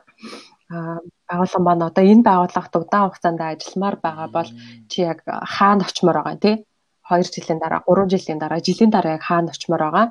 Тэндээ хүрэхэд чи яг чамарт яг чамд яг ямар ямар скил чадварууд дутагдчихэв А тэрий чинь нөхөхөд бид нэр яг яаж туслах уу гэдэг ийм дискшн яриа хилцээр өрнүүлжсэн баггүй. Тэгээ би бас өөрийнхөө карьер төлөвлөгөөг бас гаргаад өгч ирсэн. Аа тэгэхээр жилийн өмнө би карьераа төлөвлөсөн. Тэрнээс өмнө сургууль төгсөөд би олон улсын байгууллагад угаасаа ажиллана гэж боддог байсан. Гэхдээ олон улсын байгууллагад яг юу хийх юм, ямар олон улсын байгууллага байх юм гэдэг дээр ямар нэгэн төлөвлөгөө байгаагүй. Тэгэл гараад хамгийн түрүүнд олцсон ажлаа хийгээл За би ямар ч байсан ажлын туршлага суух хэрэгтэй гэл ингээл нүдэ бооцсон юм шиг нэг хэсэг бол явсан. Ажлаас ажлын хооронд. А тэгтээ ажлуудаас ажлын хооронд шилжиж байхдаа би юуг бол анхаарлаа болгож байсан гэхээр надад ажил нь чухал уу эсвэл миний карьер чухал уу гэдгийг би айгүй сайн ялгаж салгаж бодох хэрэгтэй юм байна гэдэг дээр одоо нэг сургамж авч байсан гэх юм уу. Тий. Тэгээд одоо бол ер нь а одоо энэ олон улсын карьер коучуд гэж нэрлэдэг байгаа тий карьерийн зөвлөгөөд ч гэсэн хэлдэг. А бичгээр яг өөрийнхөө карьерийг төлөвлөөд одоогоос би тэдэн жилийн дараа тэнд төрн энд төрн гэж төлөвлөсөн байгаа. Тэр төлөвлөгөөнүүд огт төлөвлөөгүй бодоод яваад байсан хүмүүсийнхээс илүү хурдан биелдэг гэж байгаа байхгүй юу? Яагаад тэгэхээр зэрэг байгууллагт ч ажиллаж исэн бай. Хаан ч ер нь ямар ч институтэд ажиллаж исэн бай. Төлөвлөгөөтэй байна гэдэг чинь нөгөө чамтай хамт чамайг ажиллуулж байгаа хүмүүст ч гэсэн чамд юугаар тусалж болох юм бэ гэдгийг ингээ хилээд ойлгуулчихж байгаа байхгүй юу. Тэгэхээр одоо би бол одоо жишээ нь яг бизнесийн зөвлөх а тэгээ санхүүгийн хүртээ хэмжээ мэрэгжилтэн гэдгээр ажилладаг байсан. Тэгээд миний сул тал болохоор би яг санхүүгийн надад мэрэгжил байхгүй учраас би яг санхүүгийн зөвлөгөө өгөхөд надад тэр тэр чиглэлийн нөгөө чадвар дутаад байдаг гэсэн. Тэгэхээр манай байгууллагын зүгээс за энд чинь энийгээ сайн хийдэг болоход чинь бид нар одоо яаж туслах вэ гэхээр ийм сургалтанд суулгаж өгье. Тэгээ ингээгээд а төлөвлөгөөтэй ингээд ажилладаг байсан байхгүй. Тэгээ үр дүнд нь хий хожиж байгаа гэхэлэр зэрэг би л хожиж байгаа байхгүй тий. Тий. Мм. Одоо ер нь хэдэн жил одоо бол би 3 жилээр л төлөвлөсөн байна. Арын 3 жилийн хугацаанд бол яг энэ зөвлөхийн ажлыг хийн. А гэхдээ ямар чиглэлээр зөвлөхийн ажлыг илүү чиглүүлж хийх вэ гэхээр чанарын удирдлагын тогтолцоогоор одоо ажилладаг байсан бол тэрийг илүү одоо өргөн хүрээнд оруулаад одоо тогтвортой бизнесийн чиглэлээр илүү сайн судалгаа хийгээд тэр чиглэлээр бизнесүүдэд зөвлөгөө өгөх юмсан гэж зорж байгаа.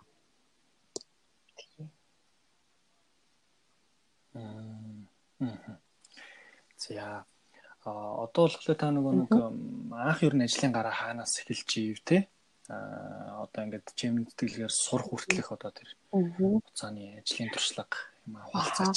Хамгийн анх сургуулиуд төгсөөд хийжсэн ажил болохоор телевизэд ажиллаж байсан. Телевизийн салбарт яг жил жил ажилласан. Тэгээд телевиз бол одоо маш их ачаалттай шүү дээ тий. За тухайн үед бол яг мэдээний албанд гадаад мэдээний албанд ингээд ажилладаг байсан. Өдөрт даврааж 5-аас 6 мэдээ орчуулж гаргадаг. За тэгээд өөрөө мэдээндээ дуу оруулаад уншдаг. Тэгээ сүүлдээ нөгөө мэдээгээ эвлүүлдэг. Тийм үү ажилладаг гэсэн. Тэгээд нэг мэдсэн чинь хөтлөгч хүртэл хийцэн явж исэн. Нэвтрүүлэг хөтлсөн, ярилцлага авцсан, ингээд интервью хийцэн ингээд явж исэн. Тэгээд тэрнийхаа дараа болохоор яг хувийн компанид ороод яг нөөцийн менежерээр ажиллаж исэн. А тэгээд тухайн компанида буцаж одоо ажилд ороод хүний нөөцийн менежероос нь ахуулаад бизнес хөгжил хариуцсан захирал болтлоо ажилласан байгаа. 6 жил 6 7 жил ажилласан юм байна. За тэгээд энэ хувийн байгууллагын салбараасаа зөвлөх үйлчилгээний компанид орж ажиллаад за тэгээд зөвлөх үйлчилгээний компанид ажиллаж байхдаа маш олон сонирхолтой гой гой төслүүдээр ажиллаж ирсэн. За тэгээд тэн дотор болохоор ноолрын чиглэлийн компаниудтай ажиллаж илаа. За доктортой ноосноолоор эвсэл гээд байгууллагатай улсын байгууллага төртөл одоо яг маркетингийнх нь видео юмнуудыг хийж өгөхтэй ярилцлагуудыг авах хөдөө орон нутгуудаар доктортой ноосноолоор стандартыг бүрдүүлэх аудиторыг хүртэл ингээ хийгээд явж байсан. За тэгээд сургуульч багш мөн хийгээд а одоо томоохон байгууллагуудад э, дөрөвдүгээр цахилгаан дөрөвдүгээр цахилгаан станц тэгээд юу гэдэг нөө шар доктор доктор гээд томоохон хувийн байгууллагуудад зөвлөх үйлчилгээ хийгээд явж байсан. Бас сургалтуудыг байгууллагын сургалтуудыг аягүйх орж исэн. Тэр дотроо нөгөө чанарын аудит за тэгээд байгууллагын одоо манлайлал EQ мэтчлэн маш олон төрлийн сургалтуудыг ер нь бол стратеги төлөвлөлт дата анализ энэ төр гэл янз бүрийн шаардлагатай сургалтуудыг ингээд ороод явчихсан баг. За тэгээд тэрний дараа олон улсын байгууллагад орж ажиллаад ер нь бол бас нэг 6 7 төслүүд дээр зэрэг ажилласан. Тийм гих мэдчлээ яг яг ажлын гараа бол одоо маш өөр юмнаас эхлээд одоо өөр юм дээр дуусч ийн гэдэг шиг. Аа тэгээ би нөгөө сайхан судалгаа уншиж ирсэн чинь дундаж Америк хүн чинь 18 наснаас 46 нас хүртлээр ер нь бол 11 ажил дунджаар сольсон байд юм байна. Би өөрийгөө бас ингээд ямар олон ажил ингээд нэг юм докторгүй юм шиг те ингээд нэг юмнаас өсрээд нөгөө юмроо ороод яваад байгаа юм шиг ингээд яваад байсан боловч энэ хооронд одоо дээр нэмээд маш олон төрлийн сургалтуудад одоо байнга суудаг. Жилдээ доороо иж нэг дор аж 5-аас 10 төрлийн одоо мэрэгжлийн сургалтуудад хамрагддаг байхгүй юу? Тэгээ дээрэс нь хувь хүний хөгжлийн маш олон сургалтуудад хамрагдсан маш их ном уншин. Тэгээ энэ бүхнээс хараад яг нь бодоход за за угаасаа одоо эн чинь цаг үеийн юм болчиход байгаа. Маш бүх юм маш хурдан өөрчлөгдөөд ер нь яаж ч хаашаач хувьсаж магтгүй болчиход байгаа учраас өөртөө одоо энэ сурсан мэдсэн энэ тэнд ажилласан энэ туршлага бол хүнд яг сурсан юм нь яг цагаа хүлээгээд байж идэг юм байна да гэдгийг айгуу сайн ойлгож авсан. Тийм тэгээд өөрийгөө нэг амир зэмлээл чи айгуу олон юмруу өсчээд байна гэхгүйгээр угаасаа ер нь бол хүмүүс одоо энэ цаг үед маш олон ажил сольдог болсон юм байна. Тэгээ дээрэс нь нөгөө multi passionate буюу олон төрлийн сонирхолтой хүн гэж байдаг тий. Одоо нөгөө өөрийгөө харьцуулаад авахгүй нэг газар ингээд 7 8 жил ажиллачихсан 10 10 хэдэн жил ажилласан тий. Нэг чиглэлээрээ ингээд ажиллаж хүмүүс ажиллачихсан хүмүүстэй харьцуулахад маш олон төрлийн юм руу өсвээд ангуудаа өөрийгөө харьцуулаад би юу н айгүй юм докторгүй нөхөр байна гэж бодоод байсан чинь а тэгтэл бодит байдал дээр хүмүүс угаасаа айгүйх ажил сольд юм байна А тэгээд сольж явснараа бас нөгөө талаасаа маш олон төрлийн чадвар, олон төрлийн хүмүүстэй харьцаж одоо тий туршлах хураад юм байна гэдгийг бас ойлгож авсан.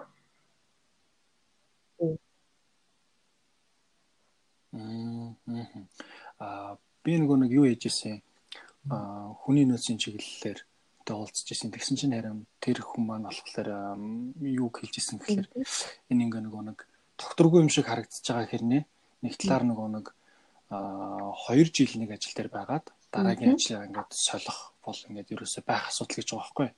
А тэгэнгүүтээ дараагийнхаа ажилд орохдоо харин гол нөгөө нэг өөрийнх нь нөгөө нэг карьер зураглал жишээлбэл тэр нөгөө нэг өөрт нь хэрэгтэй чадварууд нь жишээлбэл өөр газар байгаад байвал тэрийг нөгөө нөхөж авахын тулд явдаг. Тийм учраас одоо тэрийг нөгөө карьераа хийж гин гэж үздэг. Болохоор заавал одоо тэрийг нөгөө нэг манай нөгөө нэг юм хуучны нэг ойлголт байгаа даа шүү дээ. Одоо нэг ажилд ажиллаж байгаа л одоо нэг дараагийн өөр байгууллагад оронгууд л ингээл яагаад гарсан гээл тэрийг нь байцаадаг. Тэнгүүд нөгөө байгууллага нь мэдээж нөгөө нэг тодорхой хэмжээнд өөрийг нь үнэлэхгүй ч юм уу те. Эсвэл ямар нэгэн байдлаар тэндээс авах зүйлээ авчихсан. Харин дараа нь арай илүү зүйлийг хий гингүүд жишээлбэл өөр нөгөө нэг арай нөгөө нэг том тэрний арай дээд түвшний байгууллагад ч юм уу те орох шаардлага хэрэгцээ нөгөө хүмүүс бас гараад тийм болов гэд би асууж ирсэн байхгүй. Тэгсэн чинь нэр ер нь бол нөгөө нэг тэгж нөгөө нэг мэрэгшхийн тулд а илүү их тэгж нөгөө сольдгоо. Ер нь бол 2-оос 3 жил сольж гинэ гэдэг бол цаашаа нөгөө нэг карьераа төлөвлөл явж гин гэж бас хэлж болно гэд тайлбарлаж ирсэн. Тэгээ би тэрийг нөгөө сонсчоод аа тэг тийм биш. Түрүүн дэхтэй бас тэр олон улсын судалгаа бас их сонирхолтой юм те. Америкийн нөхцөл улс гэдэг ингүүд ч уулан бол одоо биднээс хавь илүү бас олон жил тэгээд дэлхийн таханд угаасаа ажлын байр өөрөө өөрчлөгдөж байна. Одоо яг ялангуяа ковидтай холбоотойгоор flexible ажлын байрууд бол бүр одоо угаасаа сонголт хийхээс өөр аргагүй болж штэ. Гэрээсээ ажиллах гэдэг ойлголт бол бүр ингээд Монголд бол орох гээд орж ирч чадахгүй байгууллагууд одоо юутэй ажлын дөрөв өдөр магадгүй дөрөв цагч гэдэг юм уу ингээд ажлын цагийг багасгаад гэрээсээ ажилладаг юм уян хатаа ажлын цагийг гаргая гэхэд ер нь бол ингээд захирлууд дургуутдаг. Тэгээ бид нар одоо хуруу дарахгүйгээр хурууны хий уушуулахгүйгээр яаж одоо энэ хүний чи бүтээмжийг үнэлэх юм гэдэг байсан бол одоо бол дэлхий тэр чигээрээ дэлхийн ажлын байр тэр чигээрээ өөрчлөгдөөд хүмүүс ч гэсэн одоо яг илүү их нөгөө урд нь бол дандаа ингээд ажил мэрэгжил гэдэг дээр илүү их анхаарал хандуулдаг орлого юугаа анхаардаг байсан бол одоо энэ Z generation бидний шинэ үеийнхэн болохоор илүү их гэр бүл төвтэй, өөрийгөө хөгжүүлэх төвтэй ийм хандлага сэтгэлээтэй болчиход байна шүү дээ. Тэгэхээр тэрийг дагаад байгууллагууд ч гэсэн өөрчлөгдөхгүй бол нөгөө нэг одоо чадaltaй авиаслаг ажилтнуудыг алдах юм бас нөхцөл байдалд хүрчээд байгаа байхгүй юу? Одоо хэрвээ чи ингээд өөр одоо томоохон компани хүний нөөцлөрөө сонсгох бол ялангуяа Z generation-ийнхэн бол нэг ажил дээр үнэхээр удаан тогтохгүй байгаа ийм хандлага бол зөндөө байгаа штэ. Яагаад тэгэхээр хүсэж байгаа тэр нөгөө эрхчлөө тодорхой хэмжээгээр өөрийнхөө ажил бүтэмжийг удирддаг тэр уян хатан байдлыг олохгүй байгаад байгаа учраас энэ чинь нийцэхгүй байгаад байгаа байхгүй юу. Тэгэхээр одоо энэ хүний нөөцийн бодлогоч гэсэн өөрчлөх шаардлагатай болчиход байгаа юм. Ажлын байрны шаардлагууд, ажлын цаг ч гэсэн өөр болох шаардлага тулгарчаад байна л да.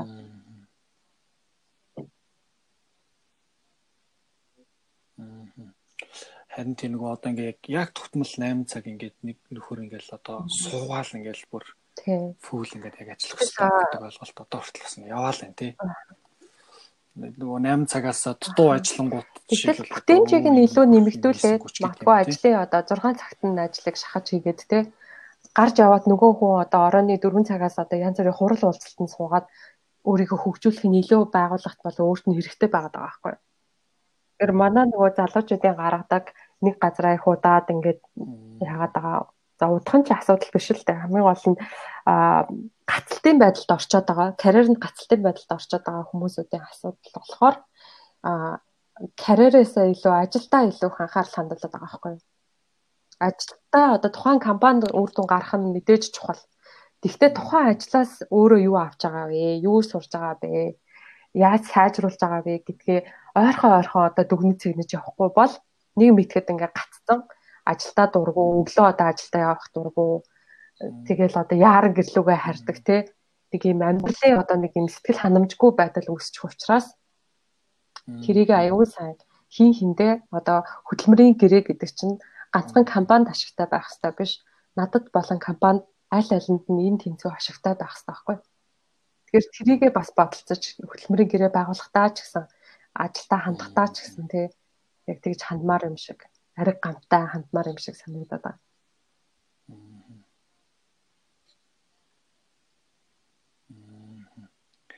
За.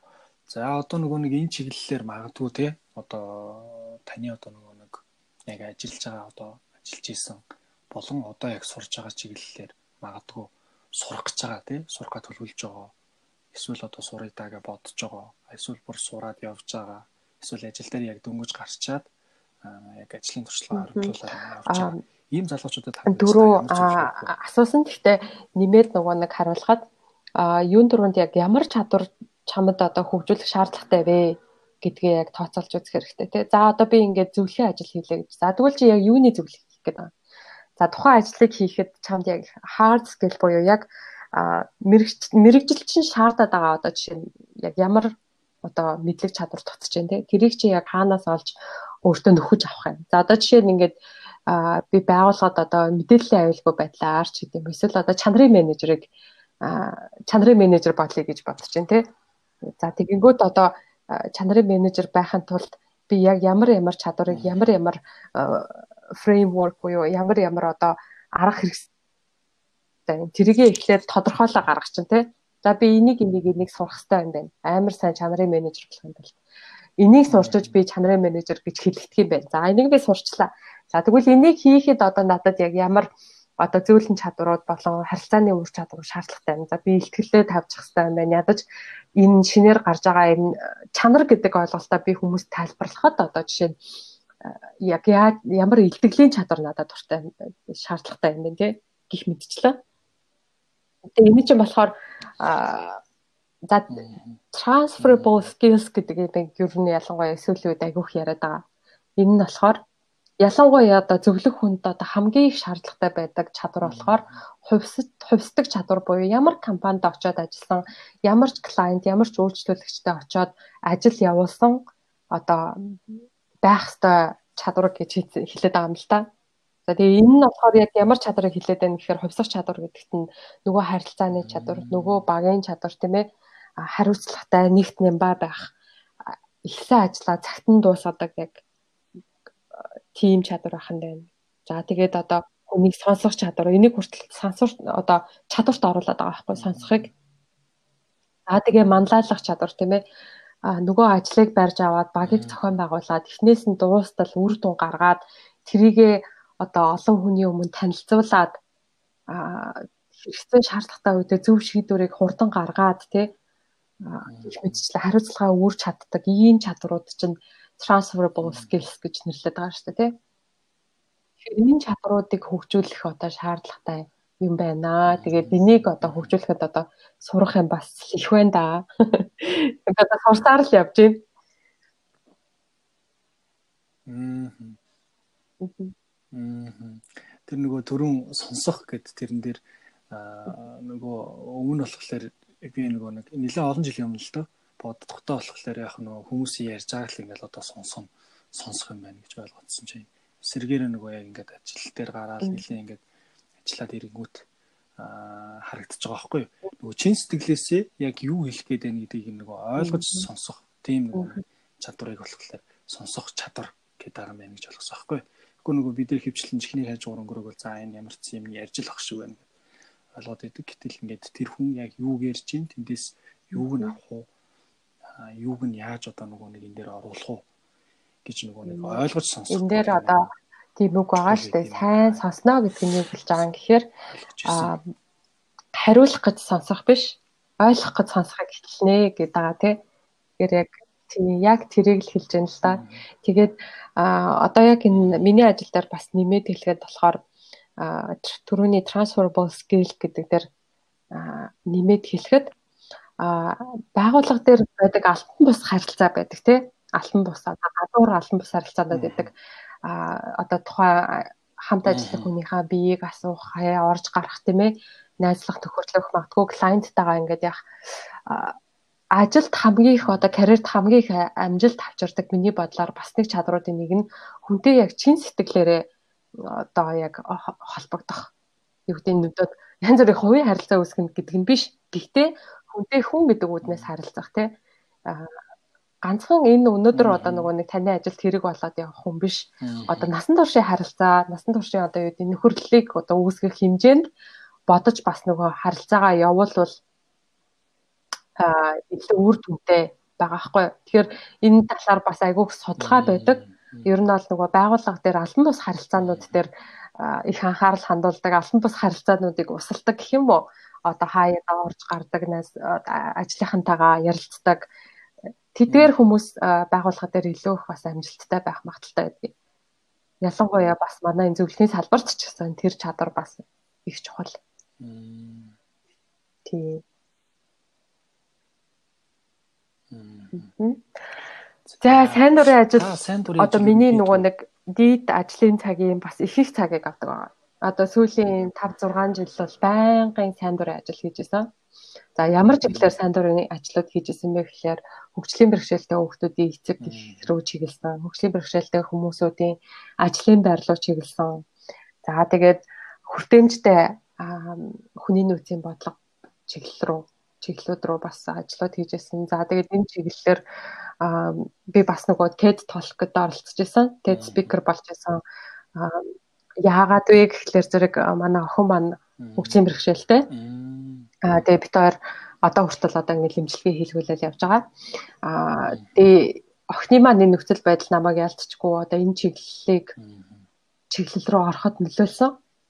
Аа яагаад тэгэхээр зэрэг Монголд бол одоо энэ чиглэлээр бас зөвлөгөө өгдөг аа юу гэдэг нөгөө бодлогын хувьд ч гэсэн тийм хүртээмжтэй бас байж чаддгүй хөгжлийн бэрхшээлтэй хүүхдүүдийн эцэг их рүү ялангуяа чиглэсэн төсөл хөтөлбөр бодлогууд бол маш одоо нөгөө хязгаарлагдмал байдаг байхгүй юу. Тэгэхээр энэ чиглэлээр би бас нөгөө нэг одоо яг активист гэж бол хэлж чадахгүй л дээ маш одоо нөгөө активист ажил ажлуудыг хийдэг энэ чиглэлээр бүр ингээд нөлөөллийн ажлуудыг хийдэг ээж аавдтай харьцуулахад би тийм их олон ажил хийж байгаагүй. Гэхдээ өөрийнхөө хэмжээнд а тодорхой хэмжээний хид хідэн нөлөөллийн ажлуудыг бол хийж исэн марад хэлчих гээд төрийн бас байгууллагуудыг бас байгууллагын нэг хэсэг удирдах ажиллаж байсан. Одоо яг энэ чиглэлээр зөвлөгөө өгдөг. За тэгээд одоо яам тамгын газруудтай хамтраад бас одоо яг нөгөө энэ чиглэлийн өвчин хөгжлийн бэрхшээлийн талаар нөлөөллийн ажлуудыг хурлуудыг зохион байгуулцаад ингээд ажиллаж исэн гэх мэтчлээ.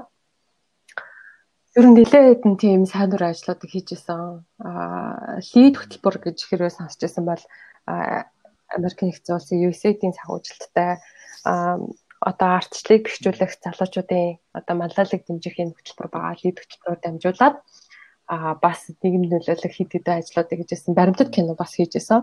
Ажил төрөх зам гээд тийм тэгээд а одоо нийгэмд чинь маш олон төрлийн хүмүүс ажиллаж амьдарч байгаа тийм ээ. Тэр болгоны ажилд хүрэх орлого олох арга зам одоо зам гэдэг юм уу? Зам нь л өөр байгаа шүү дээ тий. Тэгэхээр тэрийг харуулж ойлгуулах талаас нь бас нөлөөлөл ажлууд хийжсэн байна. За тэгээ бүр хамгийн сонирхолтой одоо сайн дурын ажлын нэг маань болохоор зэрэг Бутан улсад очиж аа доктортай нөгөө хог хаягдлын чиглэлээр төсөл бас хэрэгжүүлж исэн. Тий дунд сургууль дээр очиж тэг ажиллаж исэн туршлагатай. Тэгээд их сонирхолтой. Ер нь сайн дурын ажил хүний нүдийг нээж өгдөг штэ. Маш олон талаараа, маш олон янзын хүмүүстэй уулзуулж, очруулж одоо ямар нийгэмд амьдраад байгаа юм бэ гэдгийг чи аягүй сайн ойлгуулж өгдөг. Тэгэхгүй бол бид нар яг зөвхөн ажиллаа хийгээд ингээд цалингаа аваад ингээд харцдаг хүмүүстэйгээ харьцаад яваад ах юм бол нэг бодлын одоо нийгмийн бабл буюу нэг бөмбөлөгт орчдөг. Тэгээ хүн болох нэг л өөрсшин чигээ одоо өөрсөж чигээ байдаг гэд бодож төсөөлдөг. А тэр төсөөлийнхаа үндсэн дээр одоо өдөр тутмын шийдвэр гаргаад явцдаг тийм үү? Тэгээд тухайн үед бас нөгөө байгууллага удирдахжсэн болохоор а надад энэ сайн дурын ажил манаас буцаагаад хүмүүсийн одоо амьдралд мэдрэмжтэй хандхад те мэдрэмжтэй одоо удирдахч хүний хувьд мэдрэмжтэй шийдвэр гаргах талаас нь надад одоо айгүй олон зүйлийг зааж өгсөн гэх юм уу. Тэгээ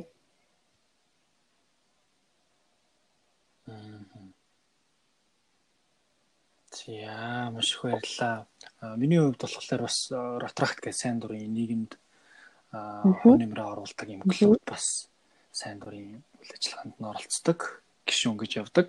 Тий тэгээд одоогоос бараг 4 5 жилийн өмнөөс болоод явсан. Тэгээд аа нэрэл нөгөө нэг яг ингээд нийгмийн өөр өөр нөгөө нэг асуудлуудыг яг тухайн үед ингээд юм сайн дур ажил хийж ахлах их болж хардсан юм лээ л дээ. Тэрнээс ингээ нөгөө яг мэрэгжлийнхээ хүрээнд ажиллахад бол хизээч тэр зүйлийг хардггүй. Яг л нөгөө мэрэгжлийнхээ ямиг ингээ бүр хараад тэрэндээ ингээд орчихсон байдаг. А тэрийг ингээд арай өөр өөр чөлөөтэй. Тэгээд сайн дурын нөгөө нэг ажлын гол онцлог нөгөө ямар ч цалин мөнгөгүйгээр сэтгэл санаагаар яг нэгдсэн яг нийгэмд нэг эрэг өөрчлөлт авчрах гэсэн тийм залуучууд их хвчлэн цугулж үйл ажиллагаанд оролцдог шүү дээ. Тэгээд тэргүүрээ бас их бие биенээсээ суралцсан. Тийм, тэрнээс гадна одоо яг нөгөө миний ажилласаа гадна цаг заваа гаргаад, цаг заваад өөрийнхөө нөөцийг зараад ингээд ажиллаж байсан. Сайн дурын энэ ажлууд маань буцаагаад надад энэ тэтгэлэг авах те а бас олон улсын байгууллагад ажиллах одоо энэ боломжуудыг нээж өгсөн гэж би боддتي. Тэрөө би ганцхан одоо юу гэдэг бизнесээ хөөгөө зөвхөн одоо энэ урдах ажиллаа хийгээд ингээд явж исэн бол надад бас тэр боломжууд гарч ирэхгүй байх байсан. Нэг талаасаа а нөгөө талаасаа бас одоо нийгэмд одоо юу гэдгийг одоо сэхэтэн гэж одоо хэлэх нь хаашийн ер нь одоо нөгөө нөлөөтэй манлайлагч залуу хүн бай гэж бодож байгаа бол ганцхан үнцэн ажилласаа гадна бас нийгмийн олон салбар талбаруудыг бас ойлгодог мэддэг. Юм яагаад ийм байдгийг бэ гэдгийг олон талаас нь харж ойлгодог байх нь айгүй чухал юм байна да гэж бас бодогдчихсан.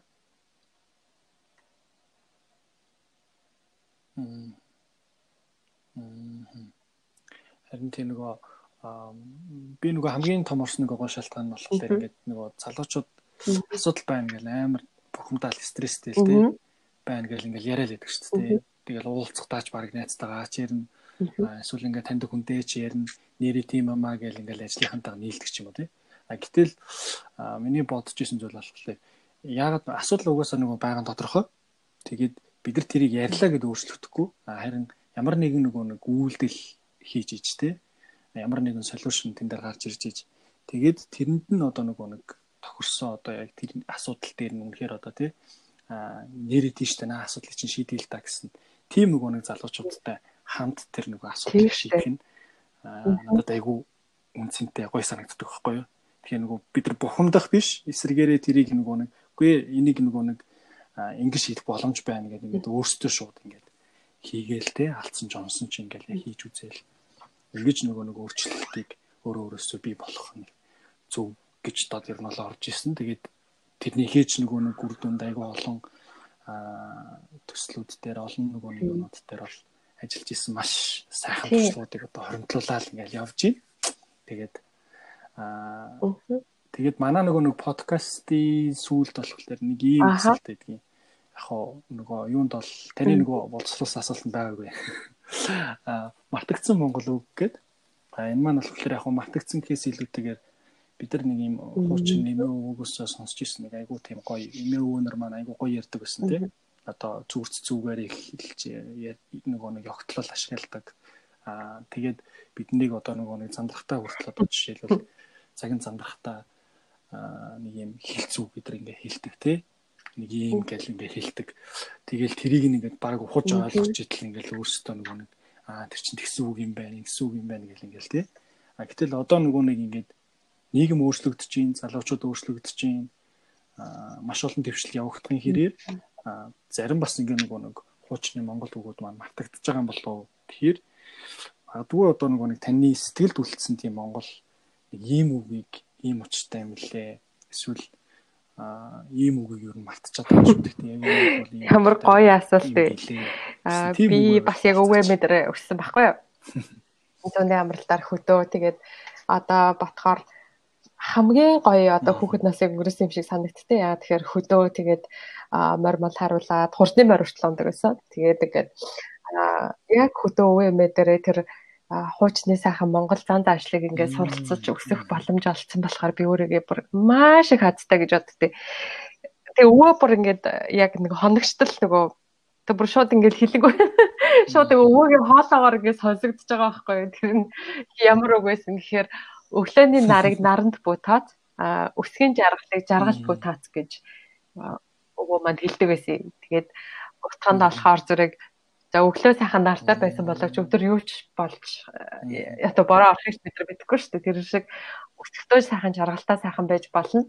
Гэхдээ амьдралд одоо юу ч тохиолдож болох хэвээр болж магадгүй учраас одоо өөрийгөө хатуужуулаарай тийм ээ амьдрал тийм сайхан одоо өсөж байгаа өсгийн жаргал шиг тийм жаргалтай байдгүй шүү гэдгийг л айгүй сануулдаг байсан байхгүй юу. Тэг яг өвөөгийн хэлсэн шиг л байсан л да. Гэхдээ нөгөө азар их сайхан өвөө эмээ гэр өсгүүлсэн учраас амьдралын одоо ямар ч нухчаа гарч ирсэн гэсэн а одоо ноён нуруу гэх нь хашийн те ямар ч байсан нэг юм өөрийнхөө замаас гарчлахгүй хүн шиг ингээд байгаад байгаа тэр ээж аавын өвөө эмээгийн хүмүүжил юм уу гэж бас боддог. Тийм. Тийм.